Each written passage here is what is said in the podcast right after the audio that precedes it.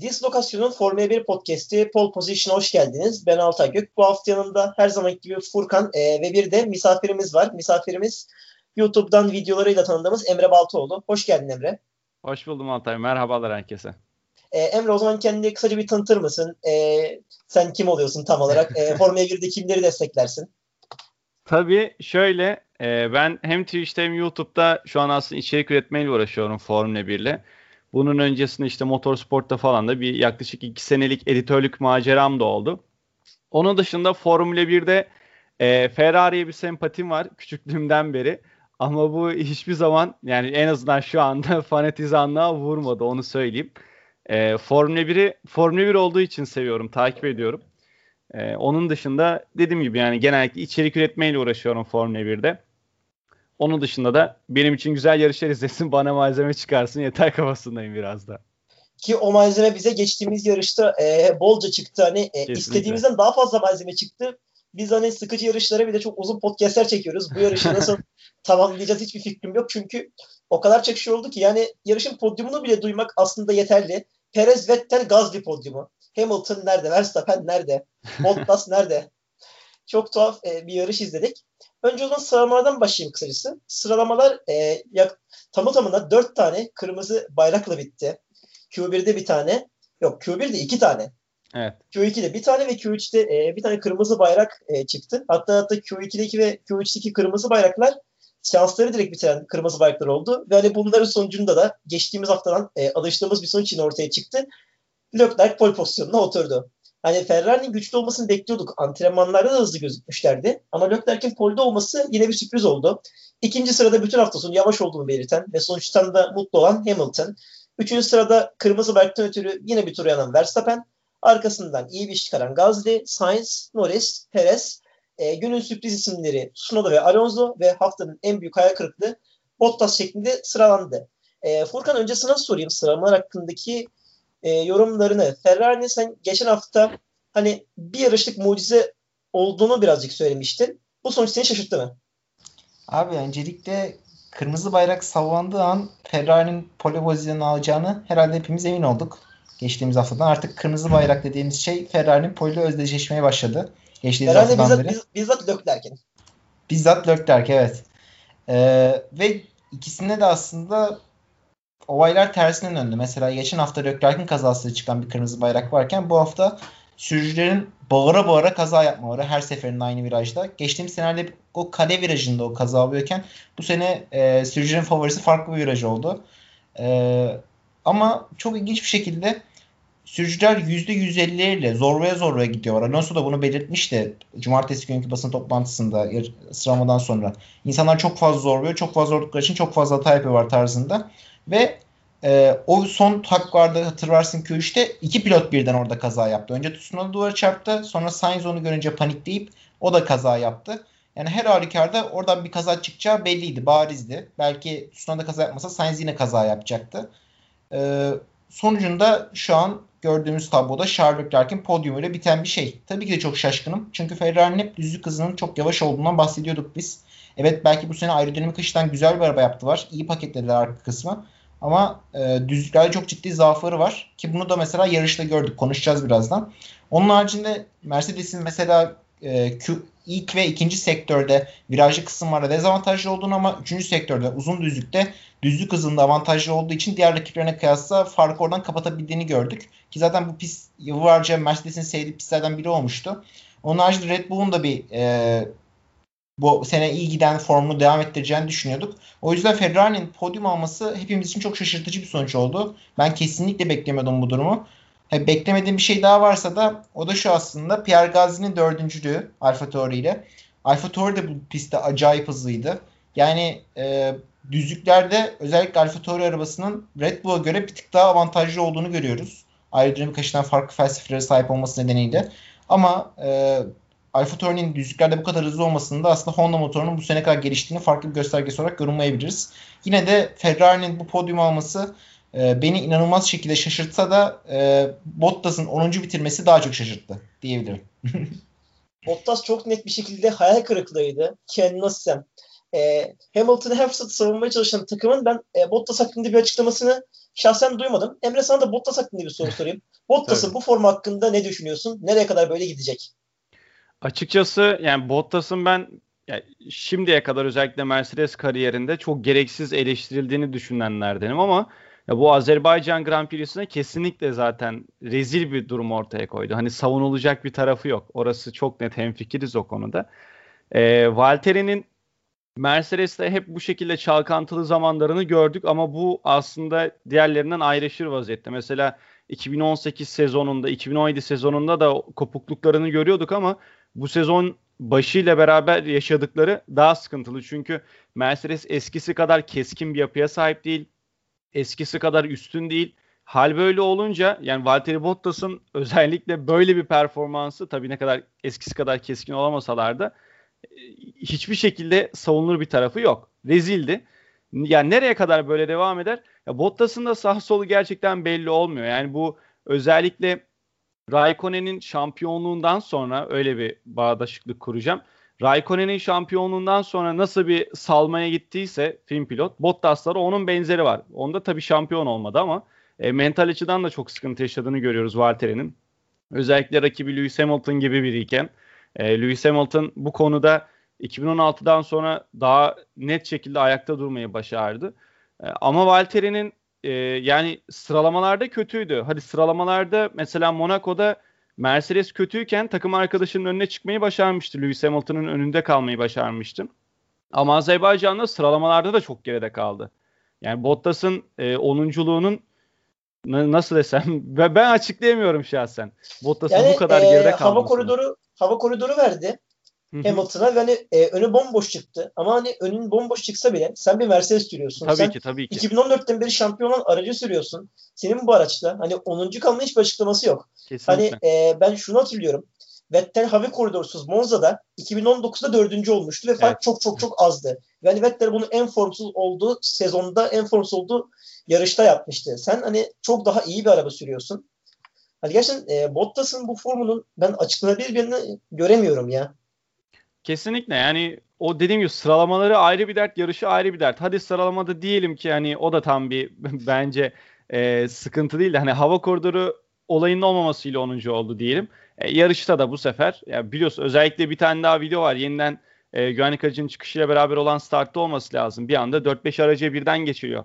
Hani evet, Alfa Romeo'lara dahi geçiliyor. Evet. 9 virajda. Alfa Romeo'lara dahi geçiliyor ya.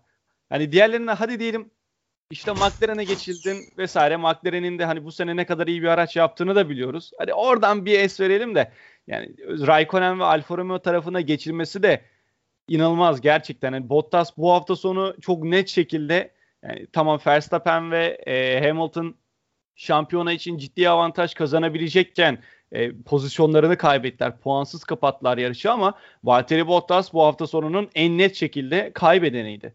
Çünkü burada puan alamadı. Orası ayrı bir mevzu. Ama gelecek sene için olan kredisinden de komple yedi. Zaten şu anda George Russell'la alakalı çok ciddi spekülasyonlar var. İşte önümüzdeki sene için kontrat imzalanacak, olacak, bu olacak diye.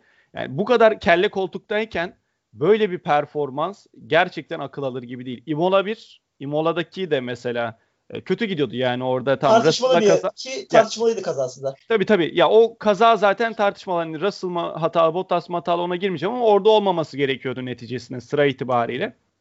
Burada da yine aynı e, performans eksikliğini gördük. E, Bottas böyle devam ederse bir kere devam edemez Formula 1'de. Orası ayrı bir mevzu ama e, yani mesela sezon ortasına falan gönderilir mi soruları da var. Mercedes'in pek kolay o topa gireceğini sanmıyorum. Yani en azından bunca yıl Formula 1'de kaldıkları süreç içerisinde böyle bir vibe vermediler. Öyle söyleyeyim ama önümüzdeki sene Mercedes'te kalması pek olağan durmuyor gibi. Orası biraz netleşmeye başladı bence. Kesinlikle katılıyorum ki yani şu an takımlar şampiyonasında e, Mercedes 26 puan geriye düştü. Hani Hamilton'ın puan alamadığı bir hafta sonra Bottas'ın alacağı puanlar hani e, takımlar şampiyonasında avantaj sağlamasa bile hasarı azaltabilirdi. Ama şu anda Mercedes takımlar şampiyonasını kaybetme riskiyle karşı karşıya Perez'in gelişinden sonra. Yani sezon ortasında bir hamle yaparlar mı bilmiyorum. Son olarak ilginç bir bilgi vererek yarışa geçmek istiyorum. Ee, bir de artık. şey sorayım Alta istiyorsan. Evet, yani e, bildiğin gibi Vettel'e çok yazık oldu sıralama turunda. Muhtemelen Q3'e kalacaktı. Kırmızı bayrak Evet, nedeniyle çok iyiydi. çok çok az bir farkla kaçırdı. E, son 10 arabasında kalmayı. Orada da şans eseri Alonso kalmış oldu. E, sen o gün cumartesi sıralama bittikten sonra neler hissettin? Senin bir Vettel taraftarı olarak görüşünü sorayım. Şimdi şu şekilde söyleyeyim. E, Vettel'in bu kadar motive olduğunu gördüğüme sevindim. Çünkü hani Vettel e, önce telsizden bir küfür bastı. Biz Vettel'den ne kadardır hırsından ötürü bir küfür duymuyorduk ben hatırlamıyorum. En son herhalde 2018'de duyuyorduk yani. 2018 Almanya'dan beri duymamışızdır muhtemelen. Vettel bir güzel küfür bastı. Sonrasında demecinde şeydi hani kırmızı bayrak çıktığı için elenmem gibi bir durum yok. Ben ilk turumda blokaj atarak 0,4 saniye kaybettim. Ben bu yüzden elendim dedi. Ki hani doğru da hani e, blokajlı turuna rağmen, büyük kaybına rağmen Alonso sadece sanırım e, 30 saniyesi gerisinde elendi. Çok çok çok ufak bir farkla elendi. Hani Vettel'in ben pazar günü bir şeyler yapacağını falan düşünüyordum. Ama birazdan da bahsedeceğim sonuç hiç beklediğim bir şey değildi yani. Hani 7. Ayak seslerini duyduk ama cumartesi. Dediğin gibi evet, ayak seslerini evet. duyduk. Evet cumartesi hani Vettel'in o toplanmasının bir haftalık bir şey olmadığını veya hiç olmasa cadde pistlerinde hala o yeteneği sergileyebileceğini gördük. E, o zaman ben ufaktan yarışa geçiyorum. Ve şurada söylemekte fayda var. E, gridin dörtte biri cumartesi günü kaza yaptı. Tam 5 pilot. hani Giovinazzi ve Stroll aynı yerde kaza yaptı. Tsunoda ve Ricardo aynı yerde kaza yaptı. Tsunoda'nın kazasından ötürü Sainz daha patladı. Sainz de bir kaza yaptı. Yani onun kazası tabii daha ufak. Sadece ön kanatı kırdı. E, kurtardı ama. O şekilde. O zaman e, ufaktan yarışa geçiyorum. Yarışa Leclerc liderliğini koruyarak güzel bir startla başladı. Hatta startta hiçbir olay olmadı. Norris e, kötü kalktı. Ricardo normal kalktı. O konuda ilk turda motor arızasıyla pite çekip yarış dışı kalmak zorunda kaldı. E, Vettel de startın galiplerinden birisiydi. İki sıra kazandı. Hakeza Alonso'la Tsunoda'yı geçmeyi başardı. Henüz ikinci turda da zaten Leclerc Hamilton'a pozisyonu kaybetti. Sonra arka arkaya pozisyonu kaybederek e, pitlerden sonrasında Orada Leclerc'in bir açıklaması olmuş Altay. Ee, bir Evet. ağaç tavuğun nedeniyle o virajda 15. virajda e, şeyi kesmek zorunda kaldım diyor e, virajı. Bu yüzden Hamilton e, daha düzlüğe gelmeden daha değerli avantajı almadan beni çok kolay bu sayede geçti. Ben yarışı orada kaybettim diye bir açıklamada bulmuş. Ya ben ona şahsen katılmıyorum. O yarışı orada kaybettiği ifadesi bence doğru bir ifade O değil. Çünkü bir ifade, iki evet. tur sonra gene geçilecekti muhtemelen tabii, arkadaki. Hamilton'a. Ama e, yine de e, bu kadar erken geçince tabii bizim hakkımızda soru işaretleri oluşmuştu. Daha ikinci turda henüz DRS gelmeden daha düzlüğün başına nasıl geçirir diye. Onun nedeni de gene yayın bize vermedi ama bir virajdan kaçınmaya çalışırken, bir ağaçlarından kaçınmaya çalışırken virajı kesmesi sonucu Hamilton çok yaklaşmış ve ilk fırsatta hava koridorunun etkisiyle geçmiş. Kesinlikle çünkü hani e, Leclerc beklenen çok daha erken geçirdi. Şimdi Leclerc ne olursa olsun e, iyi tempo tutabilen pilot. Yani sıralamalarda daha iyi olduğunu biliyoruz. Ama yarış performansı da Leclerc'in hiç fena değildi. Leclerc iki turda geçecek bir pilot değil. O yüzden ben Leclerc'in bu açıklamasına hmm, hani mantıklı buldum. Kendisi için yazık oldu bu arada. En azından podyumda bitirebileceği bir yarıştı. Ama burada Ferrari'nin bir strateji hatasından bahsetmek lazım. Ferrari Leclerc'i Gazi'nin dahi gerisinde çıkarmayı başardı. Daha ilk stintten sonra. Emre senin e, Ferrari'nin bu haftaki performansı konusundaki yorumların nedir? Şimdi polden başlayan takım oldukları için Ferrari ile başlamak istiyorum bu hafta. E, Emre senin Ferrari'nin bu haftaki stratejilerine ve özellikle de Sainz'ın performansına yorumların nedir? Çünkü Sainz çok saçma bir hata yaptı. Evet evet. Dümdüz gitti ve hani orada çok e, değerli sıralar kaybetti. Yarışın çoğunu arkalardan kurtulmaya çalışarak geçildi. Yani 8. olmuş olsa bile Ferrari'nin bu haftaki aracı için 8.lik iyi bir sonuç değil. Sen ne düşünüyorsun Emre Ferrari'nin bu haftaki performansı hakkında?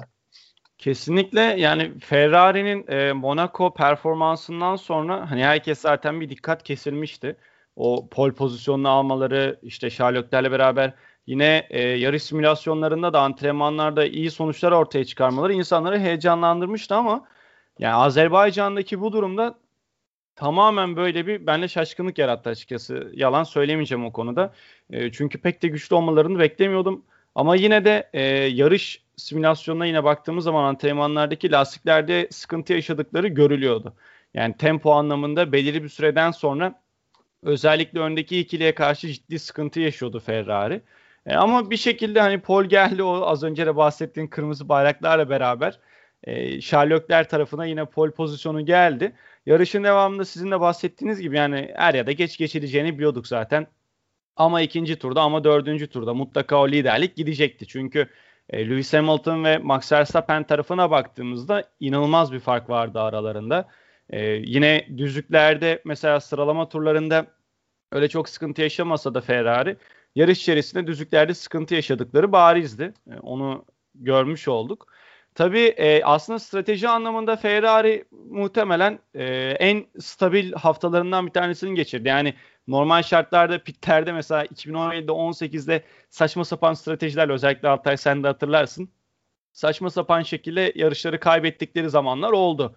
Yine 2019'a da nispeten sirayet eden ve geçen sene de pitlerde yaptıkları bir dünya hatalar vardı özellikle Sebastian Vettel tarafında.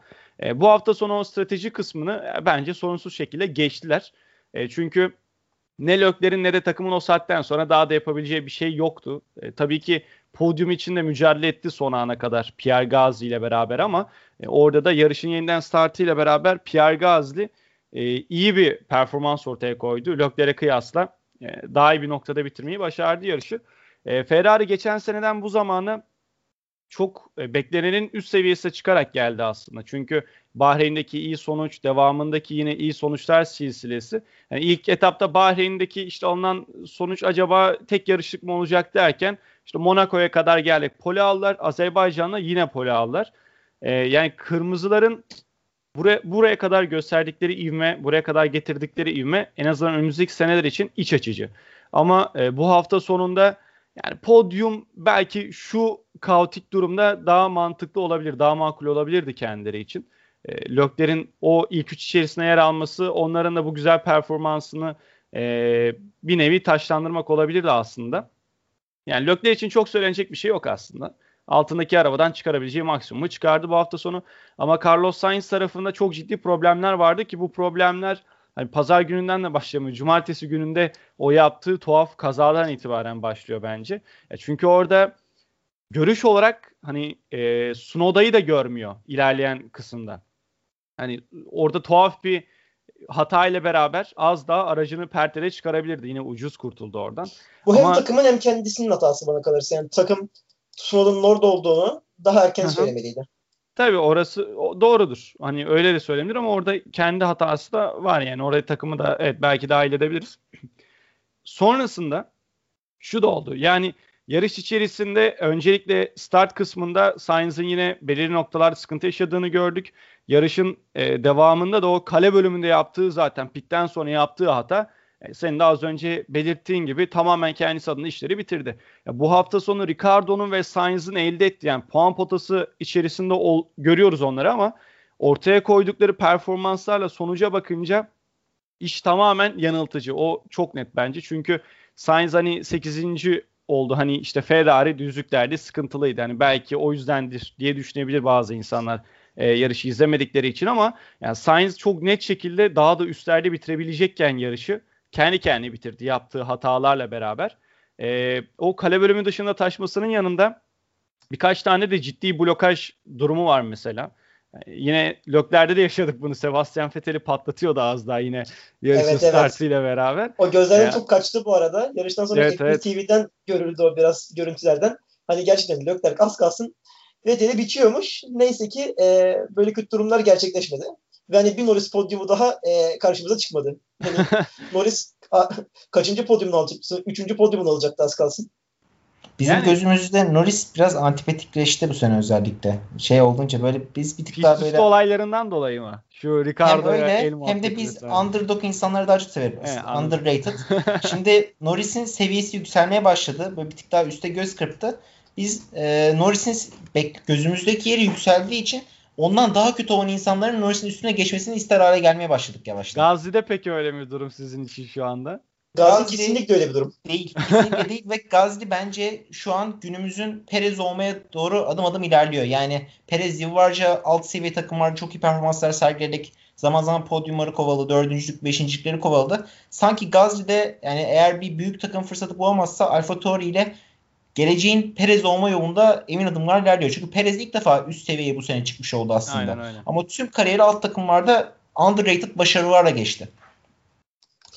O zaman e, Gazi demişken e, Gazi'nin bir üst takımına yavaştan geçelim. E, hani Sainz ve Leclerc'ten de bahsettiğimize göre Red Bull'a geçelim. Red Bull için çok daha iyi bir hafta sonu olabilirdi. Ki olmaya da gidiyordu yani. E, Serancar 2016 Malezya'dan sonraki ilk dublelerini yapmaya gidiyorlar diyene kadar çok iyi bir hafta sonu geçiriyorlardı. Ve ben stabil bir tempoda lider gidiyordu ki o da hani he, hem iyi tempo sayesinde hem de Hamilton'ın yavaş piti sayesinde liderleri rahat bir şekilde almıştı. Perez de o yavaş pitten faydalanarak ikinci sırayı almıştı ve iyi bir savunma yapıyordu Hamilton'a. Ve e, 46. turda olanlar oldu. Birazdan bahsedeceğimiz Stroll'ün lastik patlatmasının aynısı durumu yaşayarak lastik patlattı ve yarışa veda etti. Çok değerli bir galibiyet, çok değerli bir puanları kaybetti Verstappen. Öte yandan Perez gerilerde başlamasına rağmen çünkü o da kırmızı bayrak kurbanlarından birisi olmuştu ve yani çok sevdiği bu pistte 7. sırada bitirmişti sıralamaları. Tabi Norris'in 3 sıra cezası sonrasında kırmızı bayraklara uymadığı için 3 sıra ceza aldı Norris. 6. Hmm, sırada başladı yarışa. Ve hani 6.lıktan çok değerli bir galibiyet elde etti. Hani 6.lıktan iyi bir startla zaten hemen yükselmesi ve hani pitlerden sonra hemen ikinciliği alması hani Perez'in elbette iyi işaretli. Bunlar bile yeterli olacaktı. E, Perez galibiyete uzanmaya başardı. Furkan bu kez sana sorayım ilk başta. Perez'in bu galibiyet hakkında ne düşünüyorsun? Sen geçen hafta Perez hakkında da şey demiştin. Henüz toparlandı diyemeyiz demiştin. E, bu hafta ne diyorsun?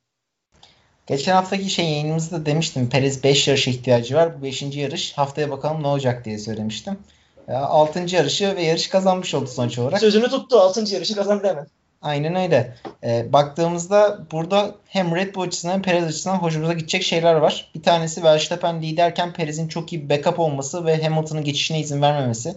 Yani e, Mercedes'i bu sefer kendi taktiğiyle vurmaları. Çünkü yıllardır Bottas Mercedes ikilisi, Bottas e, Hamilton ikilisi Mercedes'i Verstappen'e karşı hep 2'ye 1 oyunlarla bir şekilde mağlup etmeyi, alt etmeyi başarabiliyor. Pist üstünde ya da pist dışında, kenarda stratejik olarak. Ancak ilk defa biz e, yıllardır Red Bull'un aradığı, beklediği taktiği görmüş olduk. İki tane Red Bull önde ve arkada bir Mercedes. Bu sefer stratejik üstünlük Red Bull'da. E, bunu ilk defa Perez yaşatmış oldu Red Bull'a. Tabi buradaki fark şu aslında. Bundan önceki pilotlar Gazli'de, Albon'da henüz çok genç pilotlardı ve kendilerini kanıtlamak isteyen pilotlardı. Ve bu yüzden e, çeşitli çeşitli hatalar yaparak aslında bir tür adapte olmamış vardı. Ancak Perez artık tecrübeli pilot. Artık görmüş, geçirmiş ve kariyerinin son anlarını yaşayan belki de en olgun döneminde bir pilot olduğu için e, bu arabaya alıştıktan sonra biz bunun Red Bull'un lehine olacağını hep belirttik, hep ifade ettik bu yayınlarda.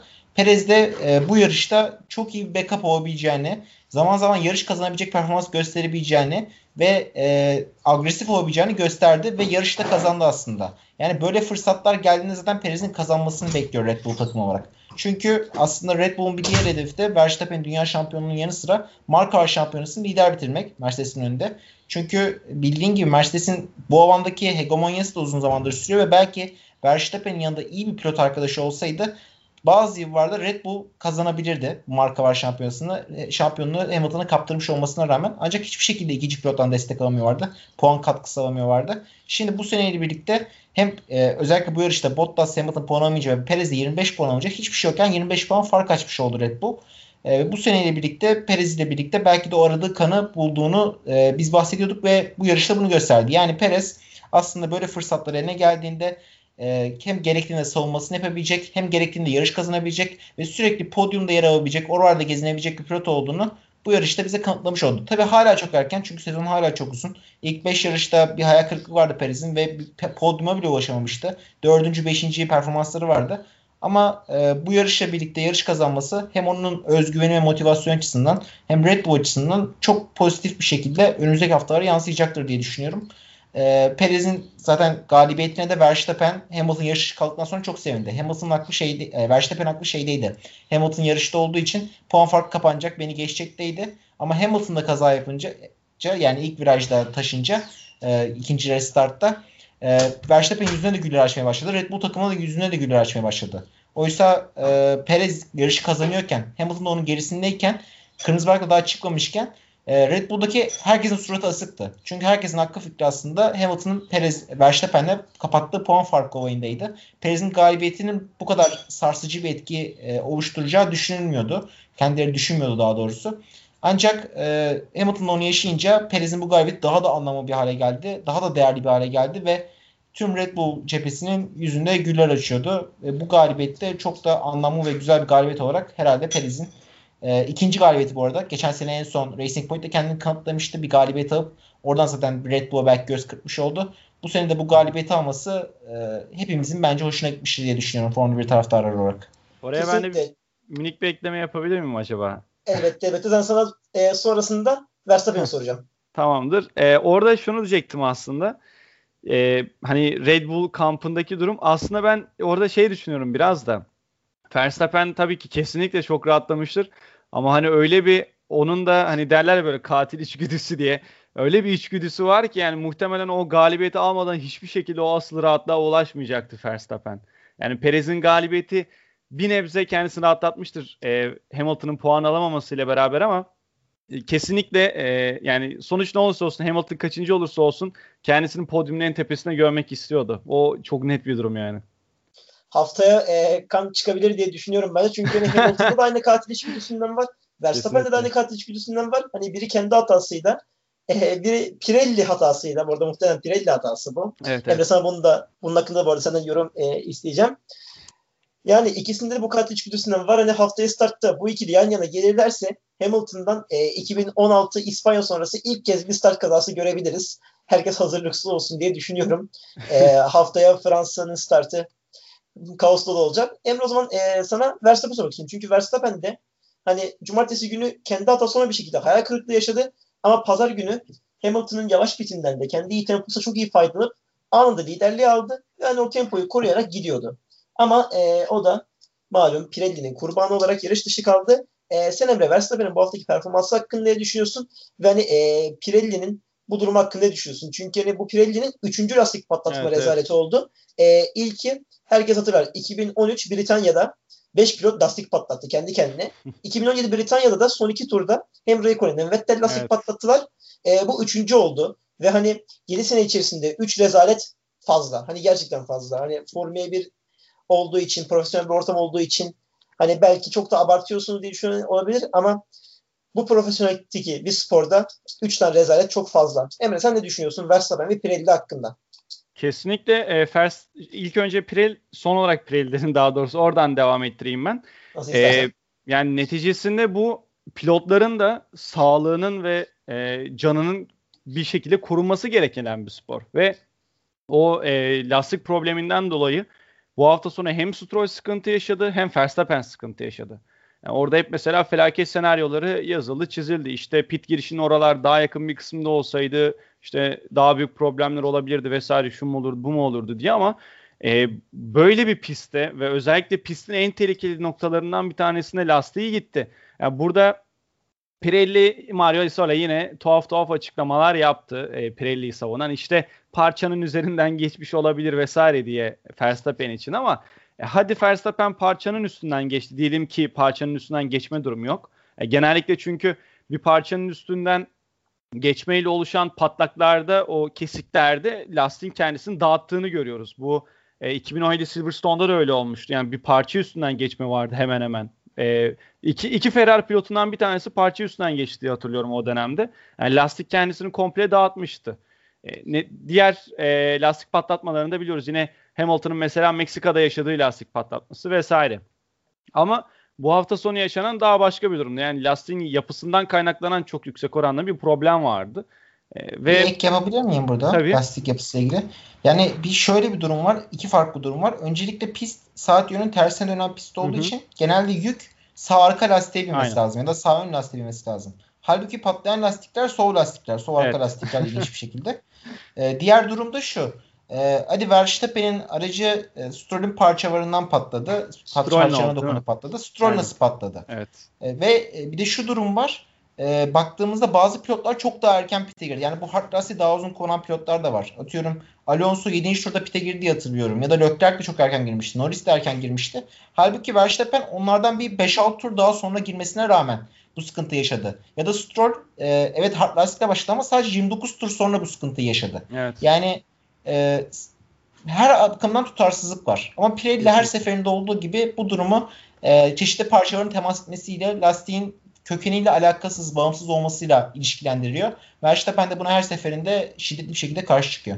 Evet zaten Verstappen de şey dedi hani Pirelli'nin yap, yapacağı açıklamayı zaten şu anda biliyoruz diye. Hani her seferinde bahanesi hazır Pirelli'nin ve muhtemelen aynı bahaneyi zaten takımlara ve pilotlara iletiyorlar. Ya bu kesinlikle rezillik yani başka hiçbir şey değil. Mesela bunun öncesinde muhtemelen bu Bridgestone Michelin dönemindeki e, sıkıntıyı da hatırlarsınız Amerika'da yaşanan Michelin e, araçlar. Michelin kullanan araçlar çıkamamışlardı piste. Yani o dönemde böyle bir durum ortaya çıkmıştı ama sonrasında Pirelli'nin tek başına gelişi ve tek başına bir nevi iktidarda kalmasıyla beraber yıllardan beri süre gelen yani bu tür problemleri görüyoruz ve Pirelli de pek e, en azından medya önünde pek şey yapmıyor yani takımlara karşı da bunu tabii öyle yapıyor. Kendilerini tuhaf bir savunma mekanizması içerisine alıyorlar ve pek hatalarını kabul etmiyorlar. Ha bu durum nereye kadar gider pek emin değilim ama e, Pirelli'nin bu yaptığı hatalar yarın öbür gün kendilerine pahalıya patlar. Orası bence net bir durum.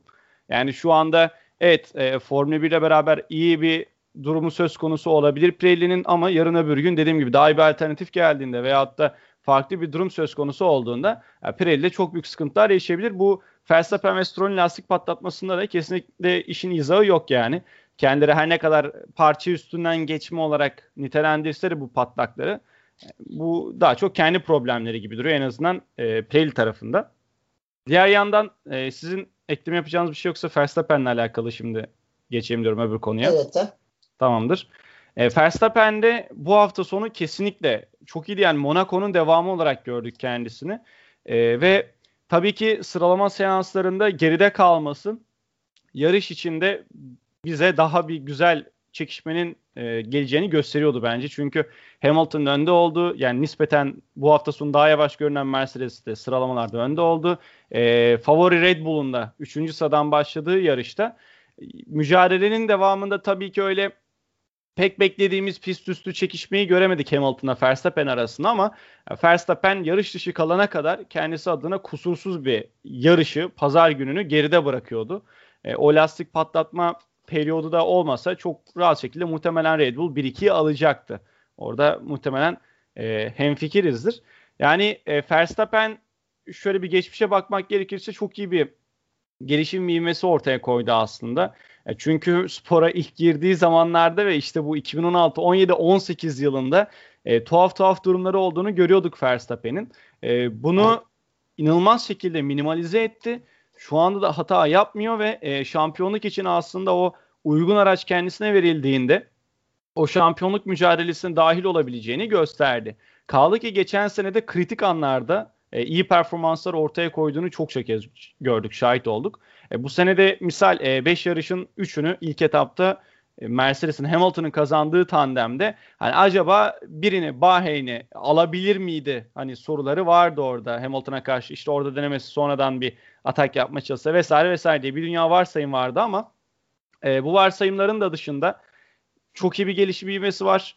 Bu senenin başından bu kısmına gelen e, konumda bile çok iyi bir gelişimi var gerçekten de. Yani Max Verstappen zaten hep işte Leclerc'le beraber geleceğin dünya şampiyonu olarak gördüğümüz e, kişiler ve e, bu senede Max Verstappen'in artık kendi rüştünü, yeteneğini tam olarak taçlandırma yılı olabilir. Bu çok net bir durum. Çünkü Red Bull e, yani mesela Mercedes'in bu sene belirli noktalarda dağıldığını da gördük. Red Bull'da yaşadı bu dağılmaları tabii ki şampiyonluk savaşında ama Mercedes misal bunun öncesinde Ferrari ile birlikte verdiği savaşta yani bu sene yaşadığı sıkıntıları muhtemelen yaşamamıştı. Yaptıkları hataları diyelim en azından orada. E, bu sene mesela Red Bull'un rakibi daha dişli düzeltiyorum Mercedes'in rakibi daha dişli bir rakip ve e, karşılarında da Max Verstappen gibi yeni jenerasyonun yıldızı ve e, inanılmaz bir yok edici var. Verstappen'in gelişimi ve yaptığı, ortaya koyduğu performanslar gerçekten harikulade. Takdir etmek lazım. E, bu hafta sonunun da yarış dışı kalana kadarki kısmında e, net şekilde gridin üst, griddeki en iyilerindendi. Ya bakalım sezonun sonunda tabii ne olur bilemeyiz ama e, geçtiğimiz hafta ortaya koyduğu performansla beraber onun öncesinde de tabii ki yarışlarda ortaya koyduğu performanslarla beraber e, Max Verstappen e, bu sezonu elde edebilecek kabiliyette olduğunu çok kez göstermiş oldu. Her şeye rağmen sadece 4 puan önünde Hamilton'ın. Evet. Yani o kadar iyi bir sezon dememize rağmen. Benim asıl sorum şu sizlere. Yani Perez şu an 3. sıraya çıktı ama sanki Perez de böyle 2'ye yaklaşabilecekmiş gibi. Böyle bir orayı karıştıracakmış gibi hissediyorum. Bilmiyorum Tabii. siz de öyle bir şey düşünüyor musunuz? Ben onu evet. hissetmiyorum biraz Red Bull tarafta. Çünkü hani Red Bull Verstappen'i şampiyon yapmak isteyecektir. Perez de ellerinden geldiğince kariyerinin bu geç döneminde istatistik kazandırmak isteyecekler. Çünkü hani Perez e, ne olursa olsun hani kariyer boyunca hiç iyi bir araç sürmedi. Buna rağmen bir galibiyet 9 podyum sahibi bir pilottu. Yani şimdi e, Perez istatistiklerini arttırmak isteyecektir. O yüzden ben şampiyonluk savaşına pek dahil olacağını düşünmüyorum. Ama bu kendisinden çok Red Bull taraflı olacak. Tabii o şampiyonluk mücadelesine dahil olması da ancak şöyle olur. Yani işte Verstappen üst üste mekanik arızalar yaşar. İşte puan barajından iyice uzaklaşır.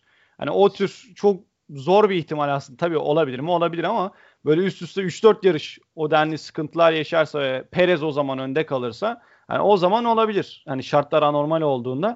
Ama normal şartlar altında ben de Altay'a katılıyorum. Pek e, Red Bull muhtemelen Verstappen'i riske etmeyecektir. Yani neticesinde evet. bir anda takımın süperstarı var. Hani varını yoğunu bastığı uğruna e, birçok pilotu yediği isim var. Verstappen e, diğer yanda da yani takıma katkı sağlaması için şimdilik e, tek senelik kontratı olan evet çok e, kendisini kanıtlamış aslında ve o biz çok yıldır e, gridde olan bir Perez var ama işte tartı Verstappen'den çok çok daha ağır basıyor o tarafta.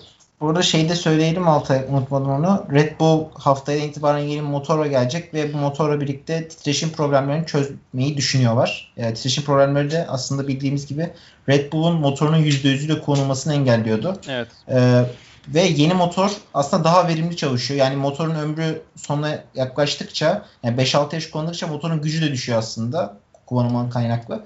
O yüzden önümüzdeki hafta Red Bull'un daha hızlı bir Red Bull olabileceğini, daha hızlı bir görünüm alabileceğini söyleyelim. Vallahi göreceğiz. Fransa'nın e, o uzun düzlüğü biliyorsunuz çıkandan önce ve sonrasında uzun bir düzlük var. Burada Red Bull ne kadar avantaj sağlayabilecek yeni motorla birlikte. E, benim asıl merak ettiğim o. Şimdi Verstappen'den bahsettiysek Verstappen'in bu haftaki rakibinden ve bu haftanın e, hayal kırıklığından, bir diğer hayal kırıklığından bahsedebiliriz. E, Lewis Hamilton. Hamilton yani e, bütün hafta sonu boyunca hani ikinci olursak, podyuma çıkarsak şanslıyız gibi demeçler veriyordu. İkinciliğe de zaten pol kazanmış gibi sevinmişti. Kenny Hamilton gibi pilottan bu beklenen bir şey değil. Hamilton katil içgüdüsüne sahip bir pilottur. İnsan yiyici 44'tür Twitter tabiriyle.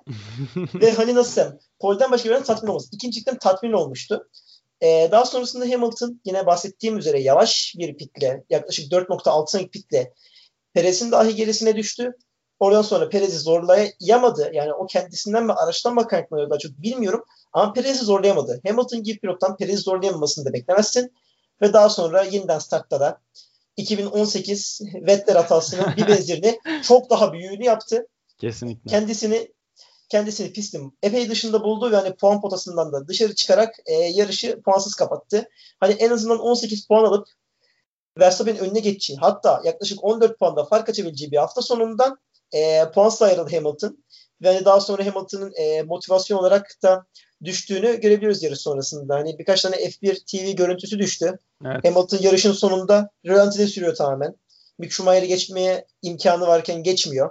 Virajları yavaş yavaş dönerek yarışı bitiriyor. Yani daha sonrasında da e, ağlamaklı ve ses tonuyla birlikte park forma geliyor.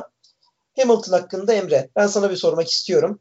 Sen. Hamilton hakkında ne düşünüyorsun? Hamilton'ın e, çünkü biliyorsunuz Brake Magic isimli bir tane sistemi devre evet. dışı bırakmayı unuttuğu için o blokajı yaptığı söyleniyor. Break Magic'i devre dışı bırakmaması hata mıdır değil midir? Ben sana bunu sormak istiyorum. Çünkü yani, bu çok e, iftiraflı bir konu. ya yarışın o noktasında e, ya hatadır. Yani yani neticesinde pilotun yapması gereken bir şey e, ve bunu yarışın böyle bir noktasını unutuyorsa ya o hatadır. Yani bu ya bilmiyorum bundan sonra kızarlar mı ederler mi bana ama yani o bence Hamilton'ın e, orada kendi hatası olduğunu düşünüyorum açıkçası. E, ya çünkü biliyorsunuz F1 pilotları neticesinde yani böyle kritik anlarda aslında ortaya koydukları durumlarla veyahut da dikkatleriyle mi desek e, yine fark yaratan sürücüler. O dikkatin eksikliği de bu şekilde komple her şeyin yanıp bitmesine sebebiyet verebiliyor işte sizin için. Azerbaycan'da bunu e, görmüş olduk. Ama yarışın genelinde de dediğin gibi Perez'in arkasında çok zorlandı Hamilton. Hani o özellikle pitlerden sonra hep yakındı, geçmeye yeltendi, nefesi yetmedi olmadı yani. Özellikle düzlüklerde hani DRS kullanımı olmasına rağmen e, ciddi oranda Hamilton'ın yaklaşmasına da rağmen rakibini geçemediğini gördük. O insan yiyici modunu bence hani ilk etapta da bahsetmiştin.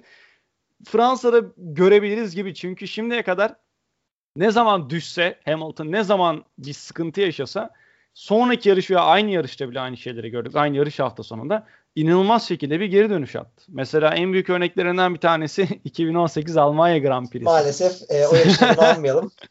evet sıralamalarda o kadar hani kötü bir durumdayken e, hatta orada da bayağı yıkılmıştı hatırlarsan. İki, o sıralama seansında da aracı. Evet lastiğin üstüne çöküp hani e, ağlam, yine ağlamaklı bir e, duruş sergilemişti. Evet evet. Sonraki Ama... gün hani e, Vettel kaza yapmasa bile Vettel'i geçebilecek bir tempoda geliyordu. Evet evet yani arkana inanılmaz şekilde geliyordu. Hani orada işte Ferrari'nin Fethel'i gereksiz fazladan arkada tutması vesaire de var ama tempo olarak yani genel bağlamda daha iyiydi. E, oradan iyi bir şekilde döndü. E, 2016'ya bakıyoruz şampiyonluğu kaybetti. 17, 18, 19, 20 üst üste yani inanılmaz bir yenilmezlik serisi kurdu. Yani Hamilton'ın o dediğim gibi düşüşlerden hep daha iyi kalktığını gördük. Hani bu saatten sonra da artık öyle bir psikoloji oluştu ki yani ben şu anda bile hala da hani şunu düşünüyorum. Yani senelerden beri kazanıyorlar. Bunlar bir şekilde yine kazanacak gibi bir düşünce yapısı oluştu artık ben. Hani alışılmış çaresizlik durumu var. Onu... Evet aynı, aynı tabir benim de aklıma geldi. evet yani öyle bir durum da oluştu. Hani Hamilton evet bu hafta sonunda hani o e, ne derler ona tam top seviyesine değildi muhtemelen. E, bunu yarış içerisinde de görmüş olduk ama yani Fransa Grand Prix'sinde de bir anda comeback atıp yarışı da domine ederse hiç şaşırmam. Orası ayrı bir mevzu. E, ama yani yine de e, o hata yapmasını Hamilton'dan beklemiyorsunuz. Yani belki de Hamilton gridde en son aklınıza gelecek pilot. Yarışın öyle kritik bir noktasında yani çok e, nasıl ne derler ona start esnasında kendisi sıkıntı yaratabilecek bir tuşu kapatması diyeyim. Onu unutması bayağı e, muhtemelen gridde en son yapar dediğiniz kişilerden Hamilton aslında. Yani bunu birçok pilottan bekleyebiliriz. Hani e, şampiyon pilotlardan da bekleriz. Yani mesela ben Vettel'den, Vettel'den beklerim bu arada kızma ama. Yok kızacak bir şey değil ya. Hani zaten, zaten Hamilton'ın hatasında şey yani Vettel'in 2018 Azerbaycan hatası gibi e, tasvir ettim. Kızacak bir durum değil. Hani Hamilton'dan beklenmeyecek bir hataydı. Ben Hamilton için markası hayal kırıklığıydı. Ben Hamilton severler kızabilir ama bana kalırsa bu net bir hata. Çünkü Kesinlikle. o blokajı yapmasına kızamayabiliriz ama ne olursa olsun sen galibiyet fırsatın varken bir butona basmayı unutuyorsan bu bir hatadır. Yani e, bir örnek de vereyim. Bunu bir yerde daha vermiştim. Hatırlamıyorum nerede verdiğimi. E, Nigel Mansell 1991'de Kanada yarışını kazanmaya doğru giderken e, son turda çok büyük farkla önde olduğu için seyircilere el sallamaya başlıyor. Evet, evet, bu esnada motoru stop ediyor yani yarışı kaybediyor. Şimdi biz buna talihsizlik diyemeyiz. Bu e, Mansell'ın hatasıdır. Bu da aynı şekilde Hamilton durumu talihsizlik değildir. Maalesef Hamilton'ın hatasıdır. Ama Hamilton bu. Boşuna bu adam 7 kez dünya şampiyonu olmadı. Tabii ki. Boşuna bu adam e, Vettel'i çok iyi bir ivmeyle başladığı sezonlarda mağlup etmedi. Boşuna Rosberg'i bu adam emekliye göndermedi. Çünkü Rosberg şampiyon olsa bile olduğu anda emekliye gitti. Çünkü Hamilton faktörü her zaman orada. Hani e, Hamilton bir sonraki hafta muhtemelen top, toparlayacaktır. Ama Verstappen de aynı şekilde toparlanmayı bekliyor. O yüzden e, haftaya çok güzel bir mücadele ben bekliyorum Fransa'nın sıkıcılığına rağmen e, diyeyim. Ve ondan sonra hafta sonunun yıldızlarından birisine geçeyim. Furkan bekleyeceğin yoksa. Yıldızına geçelim ya. Günün sürücüsüne geçelim. evet günün sürücüsü. Ben sabahtan beri bunu bekliyorum. Sebastian Vettel. Yani Monaco'da e, kendisinin en büyük iki yeteneğini de göstermişti. Lastik koruyabilme ve yarışı okuyabilme yeteneği. Azerbaycan'da özellikle geriden başlarken bu ikisine çok ihtiyacı olacaktı. Vettel ikisini de şahane şekilde kullandı. Önce e, ilk bitini çok geç yaptı. 18. turda ilk bitini yaptı. Ve hani ilk bitinden iki sıra kazandı. Zaten bahsettiğim üzere startta iki sırayı çoktan kazanmıştı. Tsunoda ve Alonso'yu pitlerde ekart edip önüne geçmeyi başardı. Ve hani Stroll önündeydi pite girmemiş. O da önden çekilince altıncı olacaktı. Ki altıncılık bile Aston Martin'in bu kötü sezonu için iyi bir sonuç sayabilirdi. Ama sonra ne oldu? Stroll'ün kaza sonucu ki Stroll'e de Vettel'den sonra geleceğim. Mükemmel bir hafta sonu geçiriyordu. Ona çok yazık oldu. Stroll'ün kaza sonrası çıkan güvenlik aracından en iyi şekilde faydalanan Vettel oldu.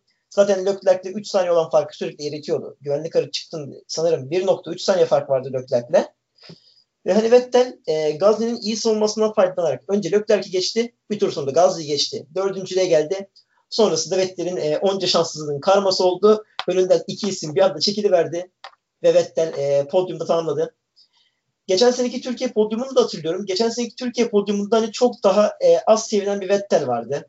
Hani kupayı versinler de gitsek bunda Vettel vardı. Şimdiki Vettel'in çok sevindiğini gördüm. Ee, hani takımın ilk podyumunu getirdiği için ekstra bir sevincini de gördüm aynı şekilde. Yani motive bir Vettel görmeyi ben özlemişim. Ee, Emre sen ne diyorsun? Vettel günün sürücüsü oldu. Bu performansı sen nasıl yorumluyorsun? Tabii ben şöyle bağlayacağım. En son Hamilton dedik. Hamilton'ı mesela e, bu hafta sonu belirli bir noktaya kadar şansı iyi şekilde yaver gitti o Verstappen'in yarış dışı kaldığı kısımla beraber. E, hatta yakın bir arkadaşımla beraber bayağı şok olduk orada. Sonrasında Vettel tarafında genelde Vettel'in bu durumlarda pek e, ya şansla neticesinin önemli bir faktör.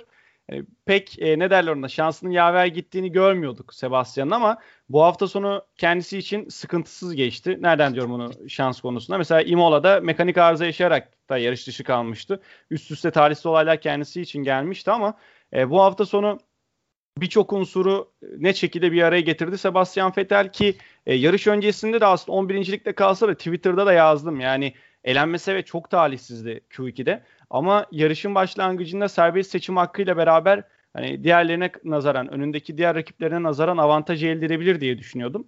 Yani e, nitekim öyle de oldu. İyi bir ilk stint attı. E, sonrasında yarışın devamını da özellikle son bölümünü de çok iyi getirdi. İşte Gazi ile Lökleri pist üstüne geçti. E, sonrasında diğer yaşanan olaylarla birlikte ikinciliğe çıkmayı başardı. E, ama Monaco Grand Prix'sinden itibaren de bahsettiğin gibi özellikle getirilen güncellemeler e, Fettel'e net şekilde yaramış gibi duruyor şu anda. Ha, tabii sezon öncesi testlerinde de araçla çok fazla zaman da geçiremedi. Yani pist üstünde bu araçla birlikte çok fazla tur da atamadı problemlerden dolayı. E, ama sezon ilerleyen kısmıyla beraber Sebastian da o özlediğimiz e, kişiyi bize geri getirdi desem yeridir. İşte Monaco'da ortaya koyduğu o performans e, 2017 Monaco'yu andıran bir durumda aslında. Gayet iyi bir e, stint ortaya koymuştu. E, Azerbaycan Grand Prix'sinde yaptığı şeyler e, yine lastik yönetimi konusunda zaten bambaşka bir boyutta kendisi. E, Aston Martin geçen seneye kıyasla yapısal anlamda daha sıkıntılı bir araçla uğraşıyor aslında. Onu geliştirmeye çalışıyor. E, yine Vettel'in de bu noktada alışma problemleri vardı ama o da Perez gibi ilk 5 yarışın ardından 5. yarışla beraber açılmaya başladı. Ee, yani Fethel'i ben açıkçası bunun öncesinde özellikle Ferrari döneminde çokça kez eleştiriyordum ama haklı ama haksız. Altay da bunu e, çok iyi şekilde biliyor. Bir, evet e, birinci e, şahit oldum. E, ama yani şimdi Vettel önünde eleştirilmekte de yani e, tabii, tabii. hak ediyordu. Hani bu sezon ilk dört yarışında da bence eleştirilmeyi hak ediyordu. Ama e, bence şunu gördük. Vettel ilk dört yarışı birazcık test olarak ister istemez kullanmış gibime gelmeye benim başladı. Yani yani ilk dört yarışta abi aracı tarttı mı desek hani araçla neler yapabileceğini böyle bir e, denediğini mi gördü desek hani öyle bir durum ortaya çıktı. E, tabii ki bu e, mesela nasıl desem Fethel'in e, bunun öncesinde de yani yavaş bir şekilde böyle kademeli şekilde yükselişlerini görmüştük tabii. Ama bu sezon özellikle Monaco Grand Prix ile beraber çok keskin bir yükselişi vardı kendisinin. Önümüzdeki yani sezonda anlam, anlam verilemeyecek derecede Evet evet. Işte. ya düşünsene bir yarış 12 13 13. için vesaire mücadele ediyorsun. Hep sıralamalarda artık 13. sıra sana rezerve olmuş oluyor vesaire.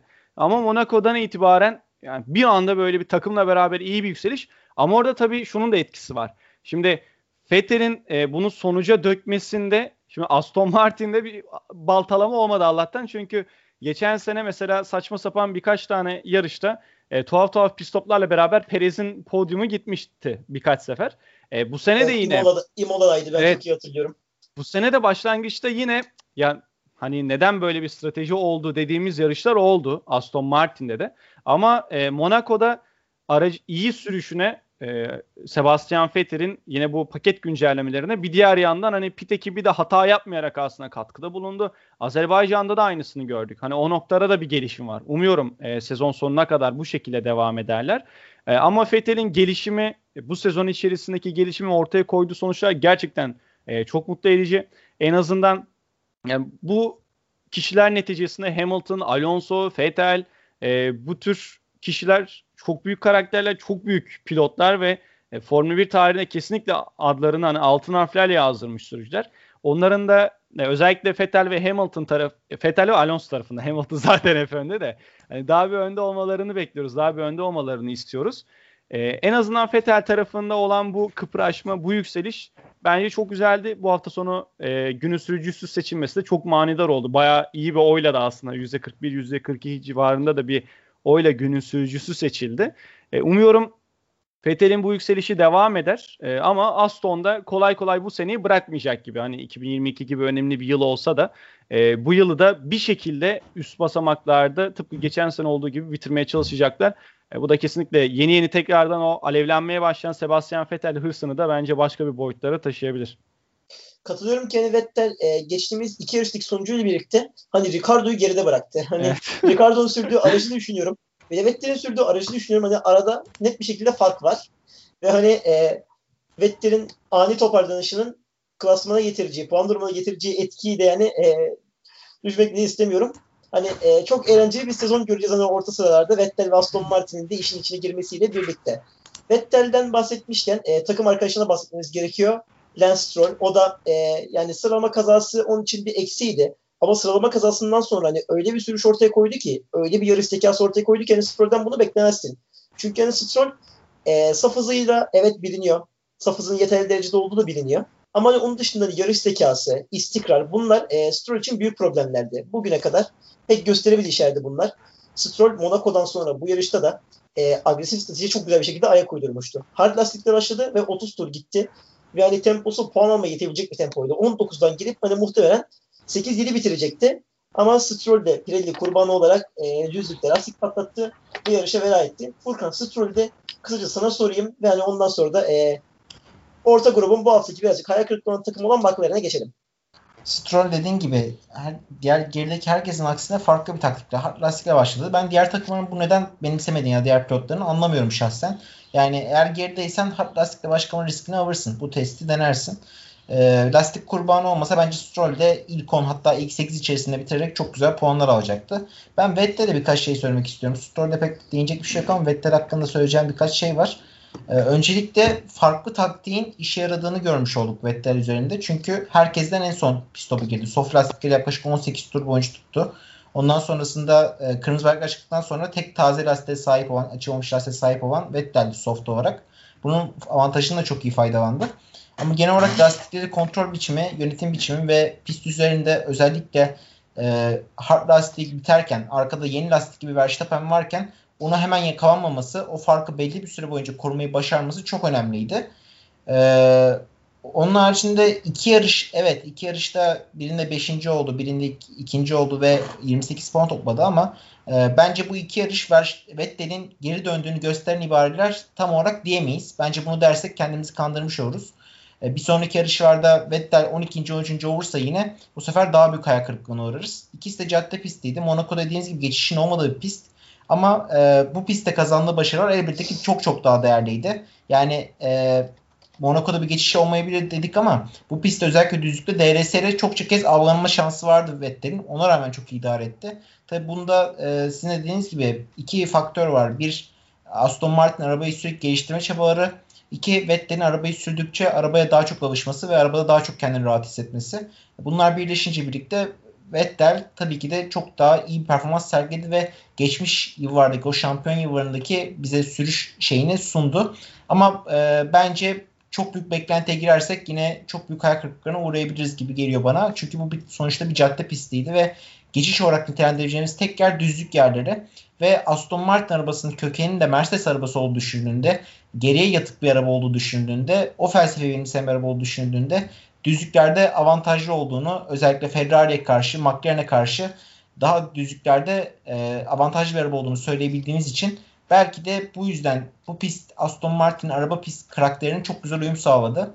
Vettel'in de tabii ki de e, buna adapte olması ve şey olması tabii bunların hepsi bir etken. Yine de ben e, doğru formüllerin bir araya geldiğini ve bunların sonucunda Vettel'in bu kadar mükemmel bir hafta sonu geçirdiğini düşünüyorum. Kendisinin de katkısı var, arabanın da katkısı var, kenar yönetiminin de katkısı var, pit, pit stratejisinin de katkısı var.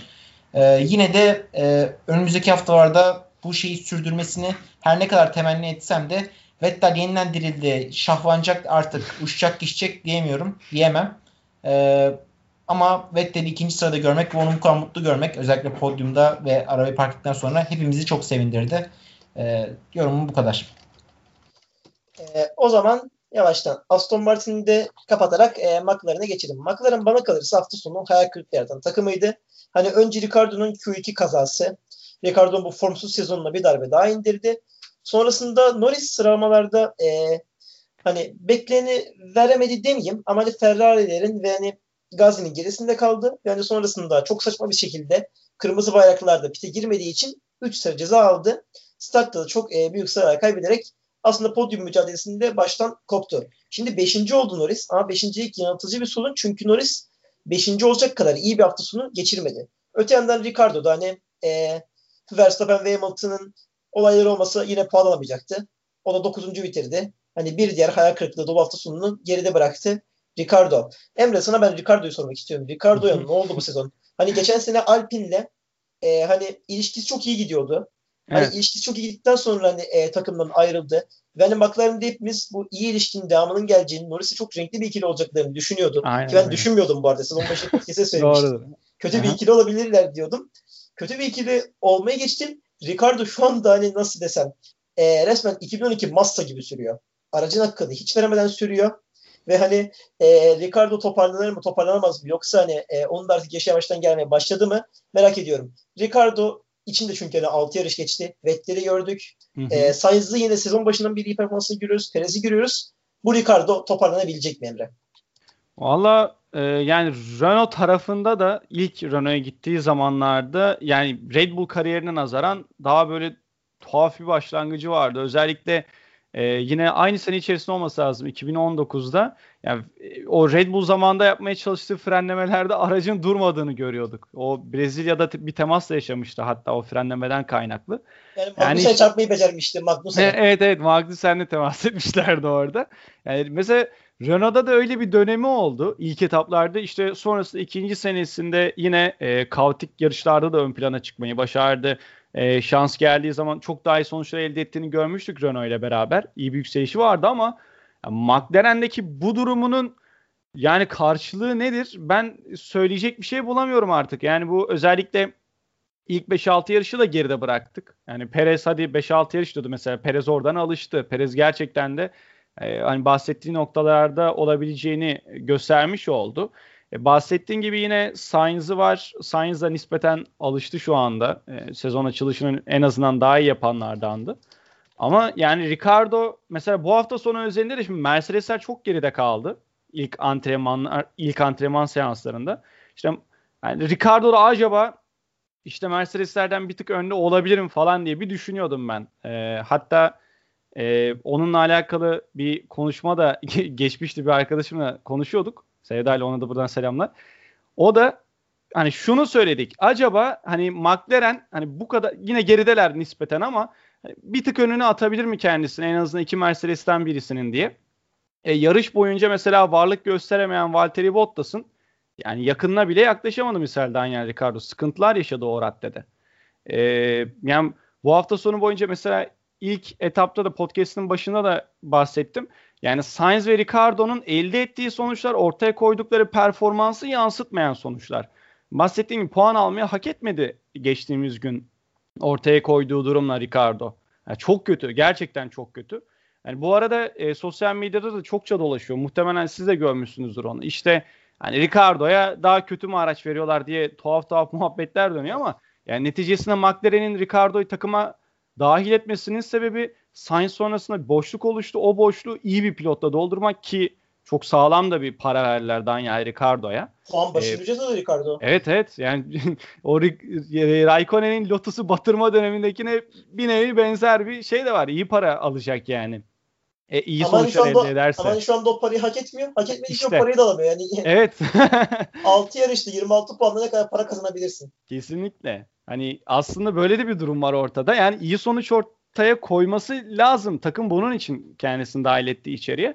Ee, ama Ricardo'nun geldiği noktada artık yani o da bence Bottas gibi keskin bir ayrıma doğru gider. Eğer bu şekilde performansı devam ederse. McLaren'le iki senelik sözleşme imzalamıştı yanlış hatırlamıyorsam.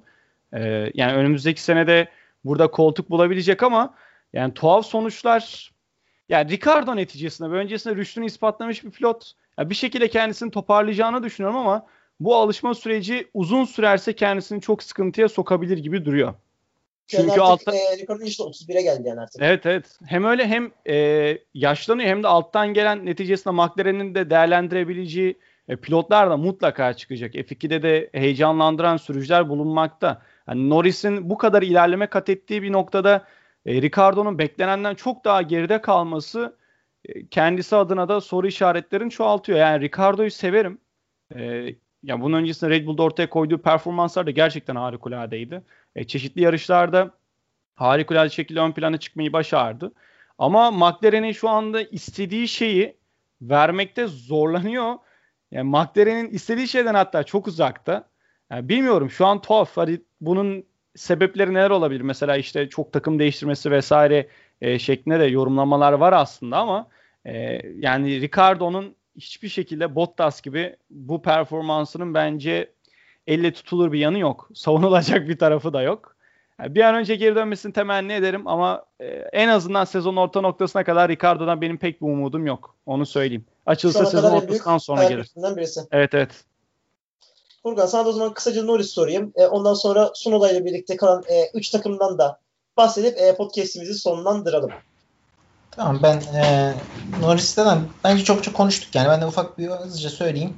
E, Ricardo arabaya alışamadı dediği gibi kendisi de söylüyor bunu sürekli. Norris de beklentinin üstünde performans sergilemeye devam ediyor ve e, gittikçe e, McLaren'i takım şampiyonası 3. taşımak için son derece kararlı şekilde devam ediyor.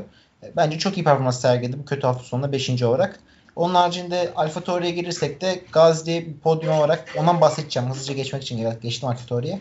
Gazli e, gerçekten çok büyük bir iş yaptı yine. Yani Leclerc'e geçilmesine rağmen düzlükte pes etmeyip tekrar hava koridoruna alıp onu geçmesi e, çok çok önemliydi. Ve orada kendisini podyuma atmış oldu bir kez daha.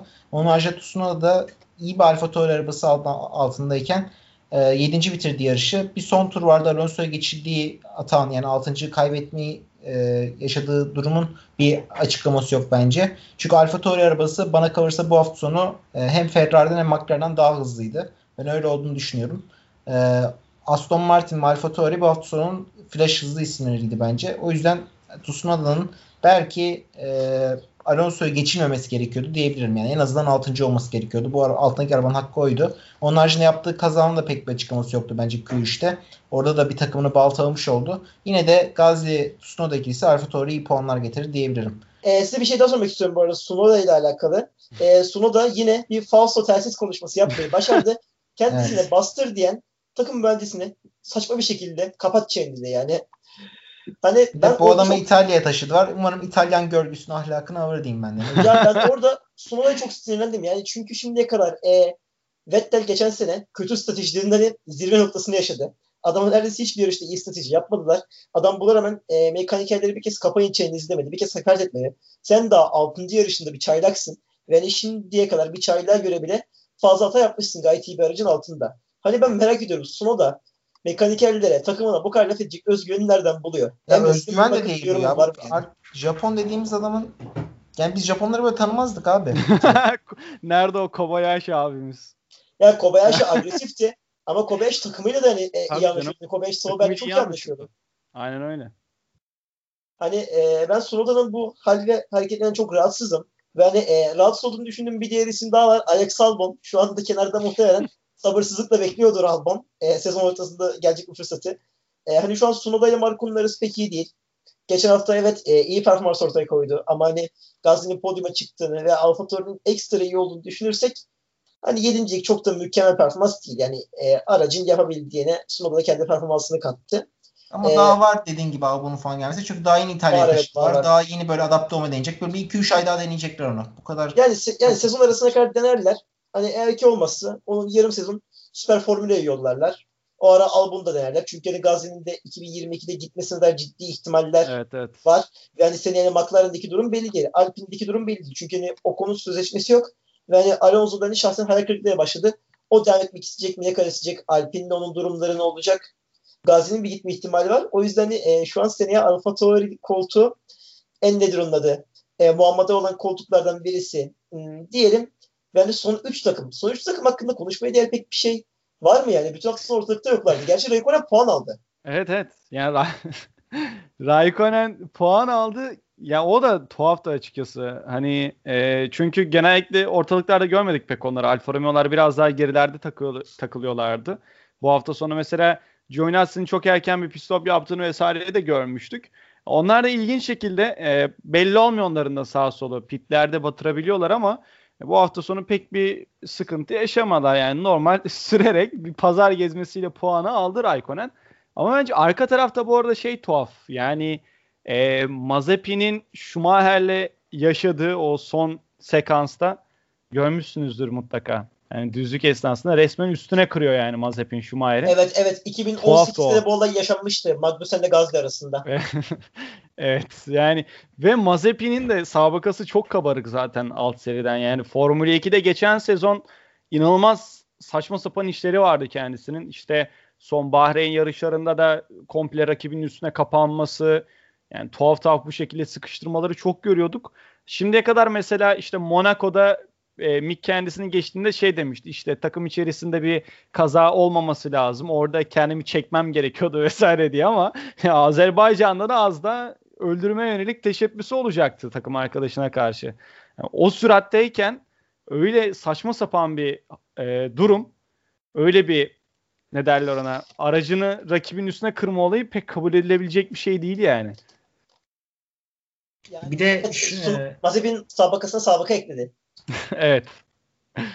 Bir de şunu belirtmek gerekiyor arka taraf için. Yani e, sonuç olarak Bottas'ın bir kaza yaşamadığını, bir sorun yaşamadığını, bir fren sıkıntısını yaşamadığını bilmemize rağmen iki Alfa Romeo'da geçilmesi Raikkonen artı Giovinazzi'ye o da farklı bir soru işareti. Çünkü Giovinazzi'nin bir fren sorunu yaşadığını söyledi. Yani virajlarda tam e, istediği gibi dönemediğini çünkü hı hı. endişe duyduğunu ifade etti. Buna rağmen arkasındaki Bottas'ın onu geçememesi bir de DRS'ye rağmen geçememesi ayrı bir rezillik olarak da ön plana çıkabilir. Onun haricinde Altay şeyi atladık ufaktan. Ondan azıcık bahsetmek istiyorum. Alpin. Çünkü evet, sonuç evet, takıma e, geçtin. Evet. E, Alpin'i ben de bu arada fark etmedim. E, onu sana en son sormayı düşünüyordum. E, Alpin'den hemen kısaca bahsedeyim. Ocon hafta sonu şanssız ismiydi. Hem Q2'de kırmızı bayraklara takıldı. E, hem de nedir onda da yarışta ilk duran motor problemi yarış dışı kaldı. E, Alonso ise hani birazcık şansına yardım edeyim. Çünkü hani Q1'de son saniyede atladı.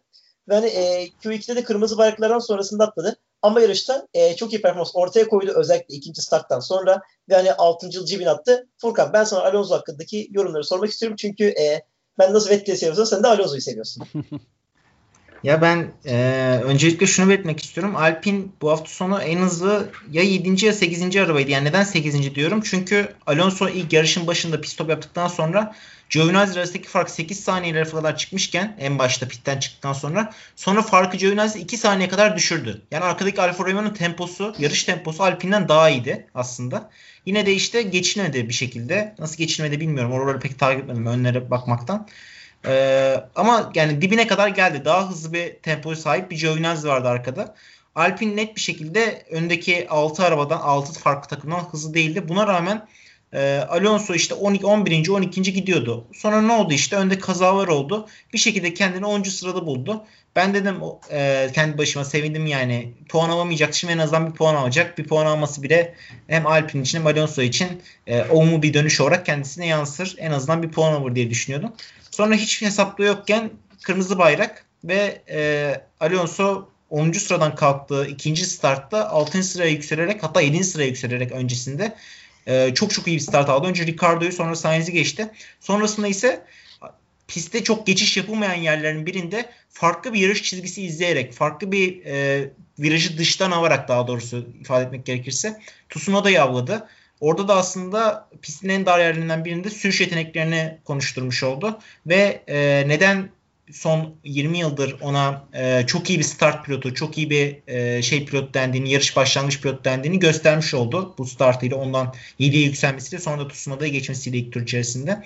Ondan sonra da muhtemelen yarış iki tur daha olsa önce Tsunoda'ya sonra Sainz'e geçilirdi. Yani yarış yarım tur daha olsa muhtemelen Tsunoda'ya geçilecekti. Ee, ama atıyorum bu yarış 5 e, tur 10 tur daha olsa bence ilk onun dışına düşecek durumdaydı Alonso. Ben bunu garanti edebilirim. Alonso Hatta... çok Alpine durumdaydı. Hani Alpine bu hafta evet. araç olarak bir hayal kırıklığıydı. Ama Alonso için hep ne derler? Kurt bir pilot olduğu söylenir Alonso'nun. Yani Alonso e, bu kurt lakabını niyak ettiğini sonuna kadar gösterdi. Hani yani alınabilecek startta... maksimum verimi aldı o arabayla. Yani ben e, hala aklım izah edemiyorum yani. Evet belki atıyorum öne bakıyorum Alfa Tauri hızlıydı. Gazi podyum aldı okey. Vettel e, uyumluydu. Pit stratejisi okeydi. Aston Martin okey ama Alonso'nun orada ilk 10 içerisinde 6'da olması bana en absürt gözüken yer şu an. O arabayla birlikte. Leclerc'in Çok alakasız yani. altıncılık gibi. Çok çok alakasız. Çok alakasız Alpine'in 6. bitirmesi. Çünkü inanılmaz yavaş bir arabası vardı Alpine'in bu hafta sonu. Ne düzlükte hızlı araba ne e, virajlı sektörde iki, iki sektörde hızlı. Hiçbir şekilde e, Alonso da ısınmış değil hala arabaya. Hala bence formunda değil. E, o yüzden 6. olması işte Alonso geri döndü tarzında bir aldatma oluşturmasın insanların kafasının hakkında. E, buna rağmen 6. olması çok çok çok çok büyük başarı ve Alpine çok değerli puanlar kazandırdı. O konuda hem cumartesi hem pazar mağlup etmiş oldu. Onun için de sevindirici bir gelişme. Tabii Ocon'u mağlup etmesi birazcık yani şeye bağlı. Ocon'un şanssızlıklarına bağlı ama yani ne olursa olsun Ocon'un önünde bir hafta sonu e, ona belli bir motivasyon getirecek. Çünkü yani Ocon'u geçmekte zorlanıyorum, geçemiyorum diye açıklama yapmıştı. Ve de bu Alonso'nun beklediğim bir açıklama da değildir. Evet.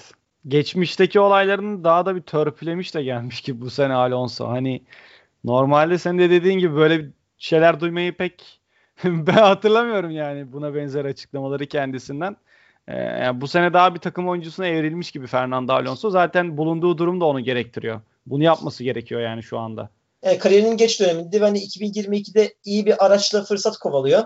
Hani e, o ana kadar bir takım oyuncusu olmak onun için daha faydalı. Çünkü şu anda pilotların konumunda çok Alpine'in konumu şampiyonu birazcık daha evet. önem taşıyabilecek bu sene e, şu anlık. Yani e, o şekilde Alonso için de kesinlikle iyi bir hafta sonuydu. E, umarım bu performans Alonso için kalıcı olur. Çünkü hani Alonso, Vettel bu gibi isimlerin e, hani birisi 34, birisi 39 yaşında hala bu kadar önlerde olabilmesi, hala bu kadar önleri oynayabilmesi hani F1 için değerli. Hani e, mükemmel şampiyonların son yıllarını izliyoruz maalesef. Hatta Raikkonen bu sene sonunda bırakabilir. Elimizde Bıraksın hani bir Hamilton, bir Alonso, bir Vettel kalacak Hamilton da bırakabilir yani sene sonunda. Yani belli olmaz sağ sol aynen. O Sanmıyor. konuda ya yani şey Hamilton olursa bırakırsa seneye bir Vettel bir Alonso kalacak elimizde. Ya Hamilton'ın da yani çok ne bileyim o konuda pek güvenemiyorum kendisine. Hani e, kalmada kalabilir. O konuda motivasyonun olduğunu da söylüyor. E, belirli noktalarda yani yine bahsettiği ortaya koyduğu demeçlerde gördüğümüz zaman hani bazı konularda acabaya da düştüğü durumlar olduğunu gözlemleyebiliyoruz. Ama ben her iki durumda da şaşırmam açıkçası Hamilton'ın. Yani bırakması da bence çok aşırı sürpriz olmaz. Yani çok düşük bir ihtimal ama bırakması da bence çok büyük bir sürpriz olmaz. Valla ben çok fantastik bir teori atayım ortaya. Hamilton McLaren'e dönebileceğini düşünüyorum. Çünkü Mercedes'te bir senelik anlaşma imzaladı. Ve hani, e, takımla da hani arasının çok da mükemmel olmadığı biliniyor yani bu sene. Sene başından beridir. Hani Yok abi çok aşırı fantazi olmuş o. Mümkün değil. Valla ben, valla ben fantastik bir teori ortaya atıyorum. Hani Hamilton'ı McLaren'de görürsek ben hiç şaşırmam. Çünkü e, bir de Norris'in de tabii yeni sözleşmeyi kaptı Norris ama yani Mercedes'le yakın bağları var. Hani Norris'i Mercedes'te Hamilton'ı McLaren'de görürseniz bir anda hiç şaşırmayın. Bu direkt ben, olarak Fantasy F1 lige döndü ya. Direkt. Evet evet. evet e, hani vardır ya eskiden böyle fanfiction hikayeler yazarlardı. Aynen Wet, aynen. uygulamalarda. Bu da benim Wet hikayem. e, Hamilton McLaren reunion diyorum. E, ekleyeceğiniz bir şey var mı arkadaşlar takımlara dair veya yarışa dair? Bakalım şey üçüncülük şampiyonası çok iyi gidiyor. Ferrari 94 puan, McLaren 92 puan. Orada bakalım e, işler ne yönde değişecek gibi. Sanki Ferrari bir tık daha öne çıkmış gibi gözüküyor şu son iki haftadır. E, bunu devam ettirecek mi? Benim en büyük merak konum. Bence çünkü aerodinamikleri çok iyi. Motorlarını da güncelleme getirecekler mi? Getirirlerse nasıl yansıyacak? Onu merak ediyorum. Ki Aston, Alpine ve e, Alfa Tauri de hani arka arkaya geldiler. Hani e, yaklaşık 14 puan içerisinde sıralanıyorlar. Alpin her an bir atak yapıp hani e, Yok abi Alpin 7'den kurtulamaz bu sene. Mümkün değil o. Zor yani, yani ben de. Ben, ben de bu düşünmüyorum ama şaşırmam yani olursa da yani ne olursa olsun Renault sürprizler de bu. Beşincilik Geçen... için Alfa ile Aston yarışacak. De onu diyelim aynen. Evet.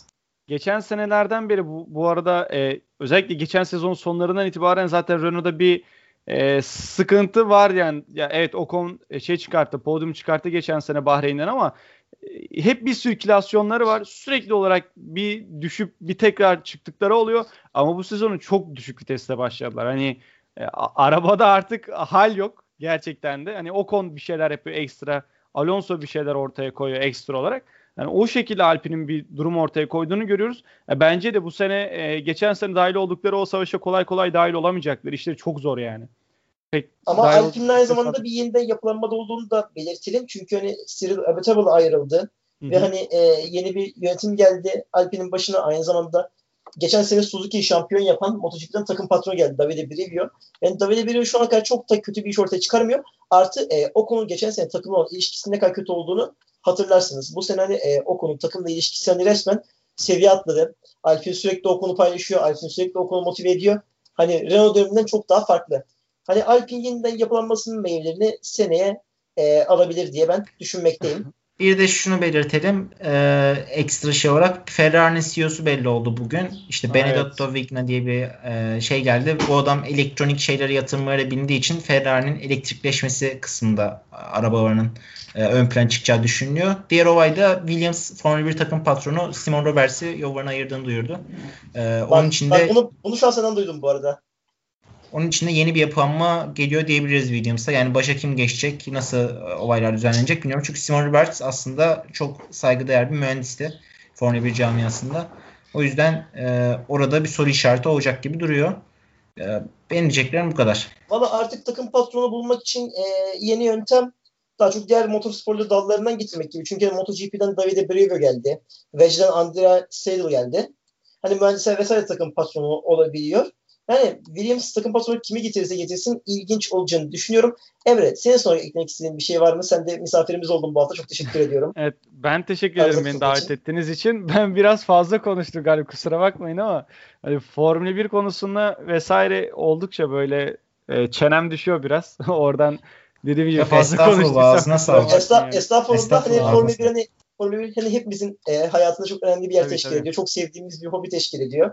O yüzden hani biz de hani ortamı da bulduğumuzda saatler boyunca konuşmayı seviyoruz. Güzel podcast yapmak için de motivasyonumuz yani bu aslında. Yoksa hani kim bir buçuk saat oturup motorsporlar hakkında e, konuşsun ki?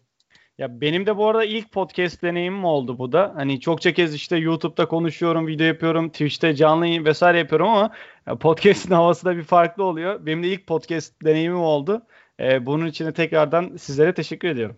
Umarım çok güzel bir deneyim e, olmuştur diyorum ve hani bu haftalıkta e, bizden bu kadar demek istiyorum. E, çok güzel bir yarıştı. Çok güzel bir yarışa bence eğlenceli podcast oldu bu arada. Yani Emre'nin e, konukluğu da çok apayrı bir hava kattı. Evet. E, buraya kadar gelen herkese çok teşekkür e, ediyoruz. Ve hani haftaya Fransa yarışından sonra e, görüşmek üzere diyoruz. E, hoşçakalın. Hoşçakalın. Hoşçakalın.